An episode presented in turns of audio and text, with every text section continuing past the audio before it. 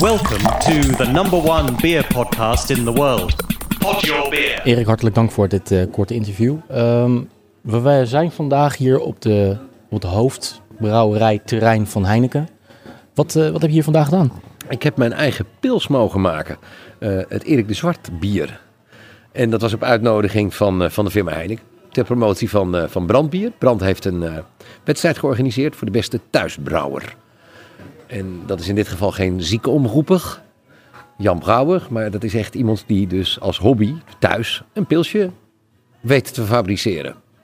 En daar komt een finale van. Die is op 12 mei in de Brandbrouwerij, de oude brouwerij in Limburg. En daar ben ik ook van de partij. En dan hoop ik dat mijn biertje, nou het zal nog net niet op dronk zijn, maar misschien net wel. Dat weet ik niet. Geheime ingrediënten. Hoe ben je te werk gegaan vandaag om jouw eigen de zwart biertje te creëren? Nou, ik ben eh, een liefhebber van een goede pils. Van een lekkere, heldere, duidelijke pils. En eh, moet ook eh, makkelijk wegdrinken. Dus ik heb gekozen voor een, ja, een, een, een meer dan heerlijk helder Heineken biertje. Met, met iets minder hop erin dan, dan normaal gesproken erin zit. Dus dat het wat minder bitter is.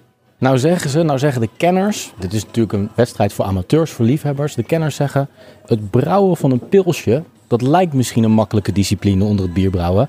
Maar dat is juist heel moeilijk om pils te brouwen. Heb je dat gemerkt vandaag? Nou, we begonnen vanmorgen al eh, om, eh, om half negen. Ik was er weliswaar niet bij wegens de file. Maar het, het, het is vanmorgen vroeg is al begonnen met eh, inderdaad eerst het mengen van de, van de grondstoffen. Vervolgens moeten die versneden worden eigenlijk in een soort speciale versnijmachine. zodat het dan op de juiste wijze in een eerste ketel terechtkomt. Dat wordt dan gemengd met water. Vervolgens gaat het naar een tweede ketel. Daar, eh, eh, wat, wat, eh, wordt er, wat was er voor prutje ook weer wat er van gemaakt werd? Oh nee, dan gaat het vocht gaat verder en dan blijft de prut blijft achter. En dan, ja, ik, ik vond het allemaal heel ingewikkeld. Ik denk wel vier verschillende procesgangen. Nee, vijf eigenlijk in feite die ik gezien heb. Nee, zes. Oké, nou, het worden er steeds meer terwijl we praten. Eh, voordat je dan überhaupt het bier achter kan laten in een, eh, in een fust. Waar het nu staat eh, te, te gisten. En dat duurt ook nog weer eens een keer 28 dagen. Dan hoef je daar niks aan te doen. Maar je bent dus een hele dag bezig met zo'n zo'n pils te maken. Denken we aan Erik de Zwart, dan denken we natuurlijk in eerste instantie aan muziek. In tweede instantie aan treinen als passie.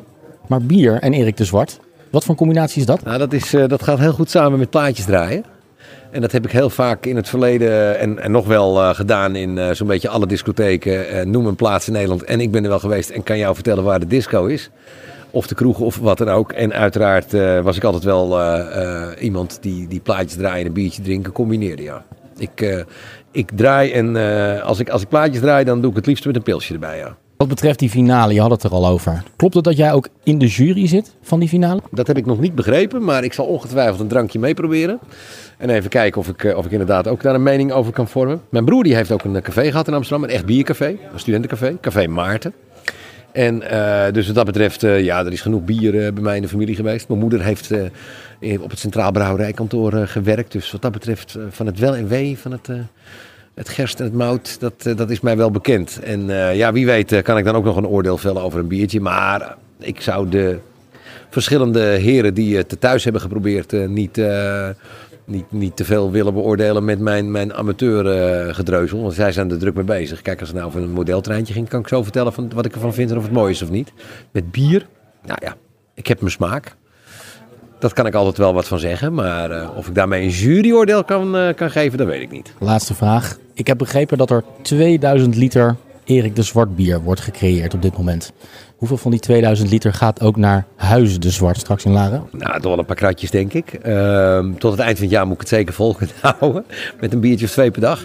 Nee, ik was van plan, want ik krijg ook een aantal fusten... om, eh, om een soort proeverij, eh, een soort weggeefmoment eh, te creëren. Ik woon in Laren en we hebben daar een paar hele mooie kroegen... waaronder het Bonte Paard, echt zo'n ouderwets café...